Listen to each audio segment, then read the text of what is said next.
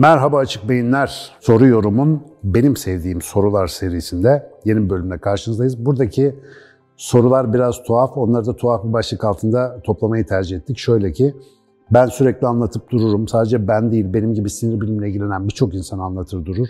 Hani dışarıdaki dünya gerçek değildir. Bu arada sadece sinir bilimciler değil aslında bütün filozoflar bilmem herkes bunu anlatmaya çalışmış. Peki bunları bilmenin bize ne faydası var? Yani dışarıdaki dünya algıladığımız gibi değil, gerçek değil. E tamam bunu bildim. Bunlar benim hayatımda ne işe yarayacak? Yani böyle büyük bir kafa karışıklığı ya da nihilizme, hiççiliğe sebep olacaksa ben bunları niye öğreniyorum?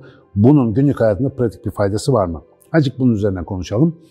Şimdi özellikle daha önce Açık Beyin kanalını takip eden arkadaşlarımızdansanız Donald Hoffman'la yaptığımız bir sohbetimizi de yakalamış olmalısınız. Bu Pushing the Boundaries, sınırları aşmak serimizde İngilizce olarak yaptığımız yayınlarda Donald Hoffman adlı bir araştırıcıyı konuk etmiştik. Kendisi bilinç üzerine teorik araştırmalar yapan çok önemli bir bilim insanı ve onun arayüz teorisini biraz kendi ağzından dinlemiştik. Kısaca neydi onun arayüz teorisi? Ki bu arada sadece Hoffman'a ait değil, çok yeni bir şey değil. İnsan bilişiyle, insan algısıyla, insan beynin işleyişiyle ilgilenen hemen hemen herkesin 3 aşağı 5 yukarı fark ettiği ama Donald Hoffman'ın çok güzel formüle ettiği bir mesele bu. O da şu, duyularımız çok kısıtlı, dış dünyadan işte bir takım ışıktır, sestir, o tip uyarı anları alıp beynimize elektrik sinyalleri olarak gönderen bir sinir sistemimiz var. Karanlık bir kutudaki beynimizde o gelen sinyallerden yok görüntüdür, sestir, dokunmadır, acıdır bir takım yorumlar çıkarıyor. Dolayısıyla biz dış dünya diye bir şey algılarken aslında bunu beynimizin içinde oluşturulmuş bir senaryonun içinde yaşıyoruz. Yani dış dünya sandığımız şey aslında beynimizin içinde oluşturulan bir temsil. Şimdi bu entelektüel bir bilgi olarak iyi güzel falan filan ama biraz ciddi düşünürseniz akşam uykunuz kaçar. Yani anneniz babanız da öyle. Eşiniz dostunuz da öyle. Yediğiniz içtiğiniz o yıldızlar galaksiler hepsi kafanızın içindeki yorumlardan ibaret. Bu tabii rahatsız edici bir bilgi. Bir de ben bu bilgiyle ne yapacağım? Donald Hoffman diyor ki bize aslında dış dünyayı olduğu gibi görmemek güzel bir şey. Bu dış dünya görüntüsü, bizim algıladığımız o şey, duyduğumuz sesler aslında bir bilgisayarın işte masaüstü gibi bir arayüz diyor. Bilgisayarın masaüstünü biliyorsunuz. İşte öyle ikonlar var değil mi? Farenizin imleci var. Böyle bir şeyler yapıyorsunuz, tıklıyorsunuz falan. Diyelim sarı renkli bir klasör simgesine tıklayınca klasörün içindeki dosyaları görüyorsunuz. Herkes buna alışık. Ama herkes aynı zamanda şunu biliyor. Bilgisayarın içinde aslında sarı renkli öyle küçük bir klasör yok. Fiziksel olarak böyle bir nesne yok. Nedir o arayüzdeki o klasör görüntüsü? Sizin bilgisayara bir komut vermeniz için görsel bir arayüz. Siz ona tıklama işini yaptığınız zaman bilgisayar aslında bir komut dosyası çalıştırıp sizin için işte bazı dosyaları listeliyor. Onları da kolay görün diye size böyle kutu benzeri bir şeyin içerisinde bir takım dosya isimleriyle onu gösteriyor. Aslında bilgisayarın içinde bunların hiçbiri yok. Mesela çöp kutusu var değil mi? Alıyorsunuz bir şeyi çöp kutusuna atıyorsunuz. Blönk diye içine düşüyor. Fışık diye bir ses geliyor falan boşaltınca. Ve bunların hepsinin size yapılan, size özel ve gerçek olmayan geri bildirimler olduğunu biliyorsunuz. Ama bu arayüz ne işe yarıyor? Bizim bilgisayarla işlerimizi rahatça yapabilmemize, bilgisayar denen cihazı kullanabilmemizi sağlıyor. Yoksa bunların hepsinin arkasında hani göremeyeceğimiz, algılayamayacağımız kodlar var aslında. Birlerden, sıfırlardan oluşan elektrik akımları. Dolayısıyla bunları anlaşılır bir hale döndüren şeydir arayüz. Ve eğer Hoffman haklıysa ki haklı gibi gözüküyor, şu anda yaşadığımız bu dünyadaki bütün tecrübeler aslında işte masa üstündeki simgeler gibi ben dahil, ben mesela bir simgeyim, işte şu anda konuşan bir simgeyim ama yolda karşılaştığınızda tıklamayla değil de konuşarak benimle etkileşime geçebiliyorsunuz. Anneniz, babanız, eşiniz, dostunuz, arkadaşınız öyle. Dış dünyadaki her şey sizin onunla etkileşime geçmek için zihninizce tasarlanmış bir arayüze benziyor. Tamam, bunu öğrendik. Ne olacak şimdi? Eğer bu gerçek değilse ve bizim beynimiz tarafından oluşturuluyorsa, bu gerçekliği oluşturan beynimizin kodlarıyla oynadığımızda arayüz acaba değişir mi? Bilgisayarda yapıyoruz ya masaüstü teması diye bir şey uyguluyorsunuz. Bir anda masaüstünüzün bütün görüntüsü değişiyor. İkonların şekli değişiyor. İşte başlat çubuğunuzun yeri kayıyor, bir şeyler oluyor falan. Mouse imlecinizin şekli değişiyor. Ama bunlar bir tıkla bilgisayarda yapılırken bizde yapılabiliyor mu acaba? Bilgisayarda bir tıklamayla bütün o arayüzü değiştirebilme becerisinin acaba gerçek hayatta bizde karşılığı var mı? Şimdi en basitinden mesela bazı kimyasal maddelerin zihinleri nasıl uçurduğunu biliyorsunuz. Uyuşturucu ya da uyarıcı maddeler. Hiç kullanmamış olsanız bile etkilerini duymuş olabilirsiniz. Bunlar gerçeklik algımızı baştan başa etkileyebiliyor. Hatta tıbben kullanılan bazı maddeler var. Diş hekiminde verdikleri uyuşturucular, ameliyatlarda verdikleri anestezik maddeler vesaire. bilincimizi kaybetmemizi sağlayabildiği gibi bütün gördüğümüz nesnelerin de değişmesine, garip garip hayaller görmemizi falan sağlayabiliyor. Dolayısıyla bu başlı başına kimyasallarla gerçeklik algımızın değişmesi, gerçeklik algımızın gerçek olmadığının en önemli doğrudan kanıtlarından bir tanesi.